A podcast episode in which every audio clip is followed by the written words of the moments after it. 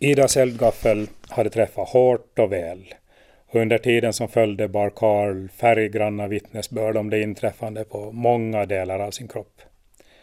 Han rörde sig styvt, fick infektion i ett par av såren och hade vänstra handen tämligen obrukbar. På måndagsfrågor svarade han att eh, man alltid fick sig lite törnar i skogsarbete och att han hade haft ett besvärligt och snårigt skifte uppe hos böjsaren i Gottby. Men Manda hade hunnit lära sig att maken alltid var metodisk i sitt arbete och just inte drog på sig onödiga skador utom vid rena olycksfall. Eftersom mannen för tillfället knappast dög till sina vanliga sysslor satte hon honom att sköta hemmet medan hon tog en tur över fjärden. Snön hade fallit rikligt de senaste dagarna och nu var det skidor som gällde. Som andra trädde sältossarna under läderremmarna och stakade iväg. När hon bankade på dörren till den lilla kojan på Bogskär var hon som vanligt redan väntad och kaffe doftade välkomnande. Hon avnjöt bara en liten dos prat om vad som tilldragit sig i bygderna innan hon kom till sak. Har Karl varit svår mot er? Ida tittar ner i golvet. De hade haft ett slags tyst överenskommelse sinsemellan att inte just tala om den relationshärva som de var intrasslade i. Den var som vindarna kring deras öar. En faktor som man varken kunde undfly eller avvara, men knappast heller reda ut så länge Karl var den han var. En viss fatalism var nödvändig i utskärsbornas livsåskådning. De hade ständigt att manövrera bland naturens hårda krav och lynniga kast som ej kunde påverkas. Och Friman var ytterligare en sådan obändig kraft som svårligen kunde förändras. Var och en fick försöka manövrera på sitt eget vis. Faktum var att Ida inte visste hur pass insatt hennes väninna från grannön varit i sin makes relation tvärs över fjärden. Hon bara anade att Manda inte missade så många väsentligheter i sin omgivning och avvaktade med blicken i golvet tills Manda såg att det krävdes en lite tydligare öppning. Har Friman varit full? Har han varit på flickan? Det var tydligt nog. Och Ida snyftade. Jag har sagt att jag skjuter ifall han kommer hit igen. Han hade fått upp kjolen på Alina, men Inga ännu fått av sig byxorna själv när jag stoppade honom med eldgaffeln. Alina är ju på sätt och vis bara ett barn. Hon tycker att mamma har varit fruktansvärt elak med farbror Kalle. Det tycker småflickorna också. De saknar honom. Och full, det var han väl på sitt sätt. Så där att han inga hade något annat i blicken och huvudet än att, eh, ja, jag vet, som en brunstgumse. Såna lyssnar inga just på vackert tal. Det är klart att du måste stå till eldgaffeln. Flickorna förstår det nog när de blir större. Tur bara att du kom hem i tid. Han borde nog inga smaka starkt alls hela Friman, för han blir ju nästan omöjlig till och med för kvinnfolk med skinn på näsan och det kan ju inga Alina ha hunnit skaffa sig.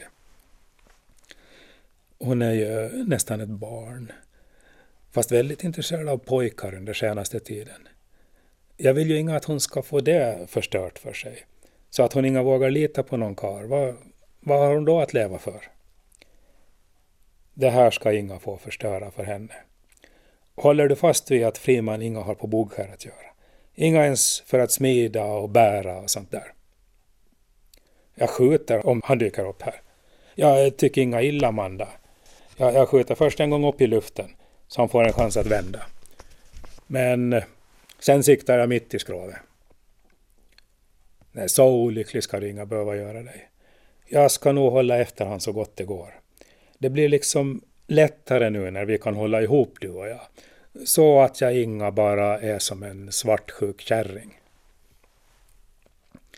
Jag är så ledsen, Manda, att jag har ställt till det för dig. Det kan inga varit lätt att se honom ränna över fjärden för jämnan. Nu efteråt förstår jag inte hur jag kunna. Du är ju min bästa vän. Men jag har ju som inga haft mitt vanliga vett på ett tag. Jag vaknade upp sen när han satt där och tafsade på Alina. Det var som att få ett ämbar isvatten över sig. Ja, det är inga så lätt. Nu vet jag att Friman kan göra kvinnfolk rent kolloga. Ifall han inga har förstånd på annat så har han det åtminstone i det fallet. Men nu sätter vi grimma på honom.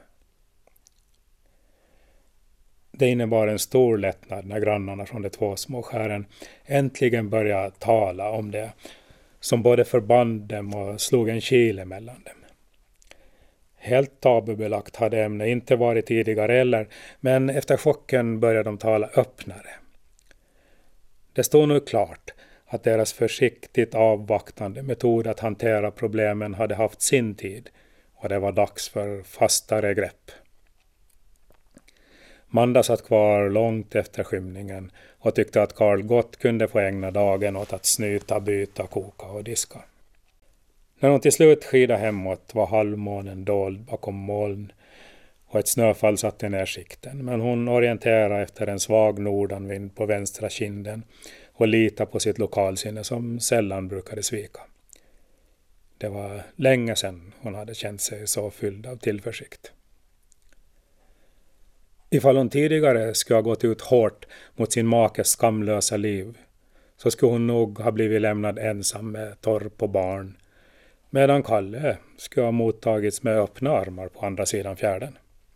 Han gav inte mycket för knarriga och grälsjuka kvinnfolk men nu var det ju Ida som hade tagit itu med honom och startat det behövliga grälet. Manda skulle bara iaktta god grannsämja och stödja Ida i hennes välmotiverade besöksförbud. När hon kom hem, ganska sent efter orienteringsproblem i det tilltagande snöfallet, fann hon barnen fridfullt sovande, stugan städad och maken väntande med kaffepannan varm. Inga har jag haft några illusioner om dig, Friman, inledde hon när de tagit första klunken. Men nu har du farit fram som en djävul. Du hade tur som kom undan med bara eldgaffeln, för det kunde lika väl ha kommit med sälbössan och då hade du inga suttit här nu. Ida skjuter tvärt om du visar dig på bogfärgen och du ska inga tro att jag heller är helt beroende av dig. Nu reder vi oss med släkt och vänner i Fögle, ifall du inga folkar dig. Bogskärsalina är ju bara ett barn, och om du så mycket som går nära henne så får du klara dig själv efter det. Och då ska du veta att Fögleborna, de kommer att känna till vad du är för en gök och ta hand om dig på lämpligt sätt ifall du vågar söka upp oss där.